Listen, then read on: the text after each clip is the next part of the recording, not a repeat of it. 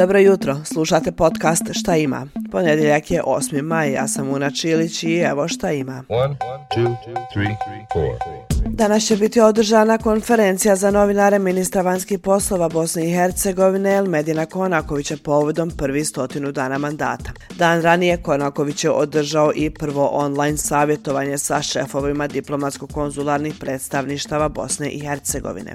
Na savjetovanju je prisustvovalo 39 ambasadora, konzula i šefova, a razgovaralo se o prioritetima u vanjskoj politici Bosne i Hercegovine, kao i poteškoćama sa kojima se susreću zaposleni u predstavništvima.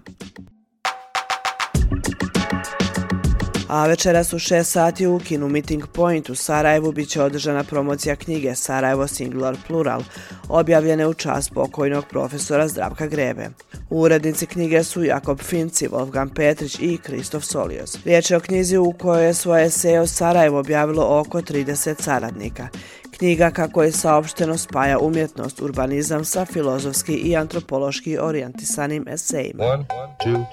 U svim školama u Srbiji od danas od 8 sati ujutro pa sve do završetka nastave bit će prisutni policijski službenici koji će djelovati preventivno, rekao je državni sekretar Ministarstva unutrašnjih poslova Srbije Danilo Stevandić. Odluka dolazi nakon što je u napadu u osnovnoj školi Vladislav Ribnikar u Beogradu ubijeno osmero djece i radnik osiguranja a još šest učenika i nastavnica ranjeni. Stevandić je rekao da će osim u zonama škola u idućem razdoblju biti pojačan angažman policijskih službenika na javnim mjestima gdje se okuplja veći broj građana. A, to znači na trgovima, ulicama, željezničkim i autobusnim stanicama te sportskim događajima. I još ovo ukratko. Danas počinje sjednica Evropskog parlamenta i trajaće do 11. maja. Očekuje se da će tokom ove sjednice Evropska unija napokon ratificirati konvenciju o sprečavanju i borbi protiv nasilja nad ženama, odnosno Istanbulsku konvenciju.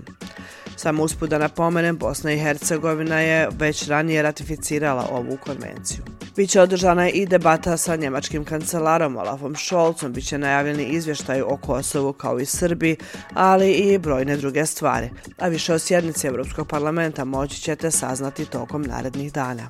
Danas će biti poznato i Kosovo godišnji pobjednici Pulicerove nagrade za najbolja dostignuća u novinarstvu, književnosti kao i muzičkim kompozicijama. One, two, three,